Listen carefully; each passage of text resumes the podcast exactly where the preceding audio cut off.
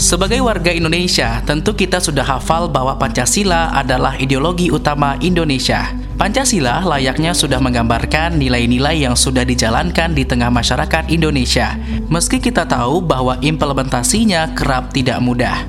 Tahukah kamu bahwa Pancasilanya Indonesia kerap dikagumi oleh negara-negara lain? Tidak jarang beberapa negara kerap mengkaji, mengamati, bahkan meniru ideologi Pancasila. Hasilnya selalu disepakati bahwa Pancasila dapat membentuk sebuah peradaban yang tinggi dan menjadi solusi permasalahan yang terjadi. Bahkan, sebagian di antara mereka ingin meniru ideologi Pancasila yang diterapkan di Indonesia. Sahabat kreatif, berikut rangkuman beberapa perlakuan negara-negara lain yang mengagumi Pancasila, sehingga ideologi kita sangat tersohor di dunia.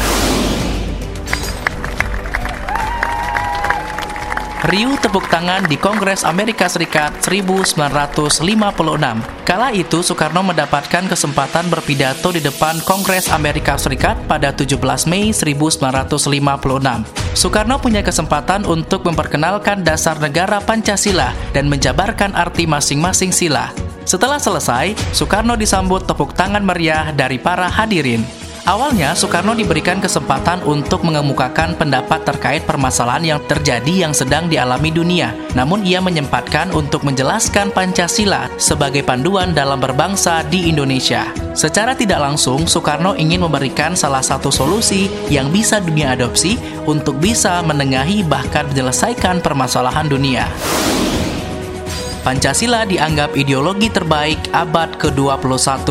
Hal tersebut dikemukakan oleh pakar ilmu politik Universitas Dortmund, Jerman, Profesor Thomas Mayer dalam diskusi yang bertema Relevant of Progressive Politics in Indonesia and Experience in Europe di Jakarta 19 September 2017 silam. Mayer bahkan mengatakan bahwa dasar negara Indonesia sudah menjadi bahan kajian akademisi di Eropa Ideologi Pancasila menurut Mayer dinilai lebih baik ketimbang neoliberalisme dan fundamentalisme keagamaan yang jadi kekuatan politik terbesar di dunia saat ini.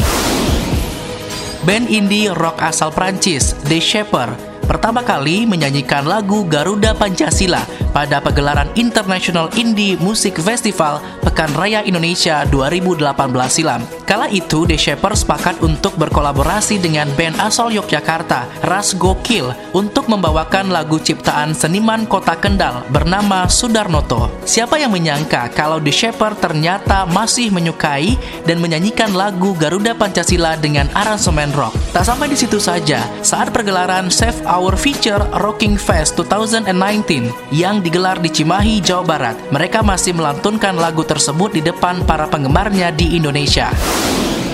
Pujian dari komunitas besar dunia Komunitas San Edigio yang memiliki kantor pusat di Roma, Italia. Dengan penyebaran komunitasnya sudah mencakup 73 negara di dunia. Mereka kagum atas harmoni kemajemukan yang dimiliki Indonesia atas dasar Pancasila ini disampaikan langsung oleh pendiri komunitas tersebut, Andrea Ricciardi, saat Menteri Luar Negeri Retno Marsudi bertandang ke Roma, Italia, 10 Oktober 2017 silam.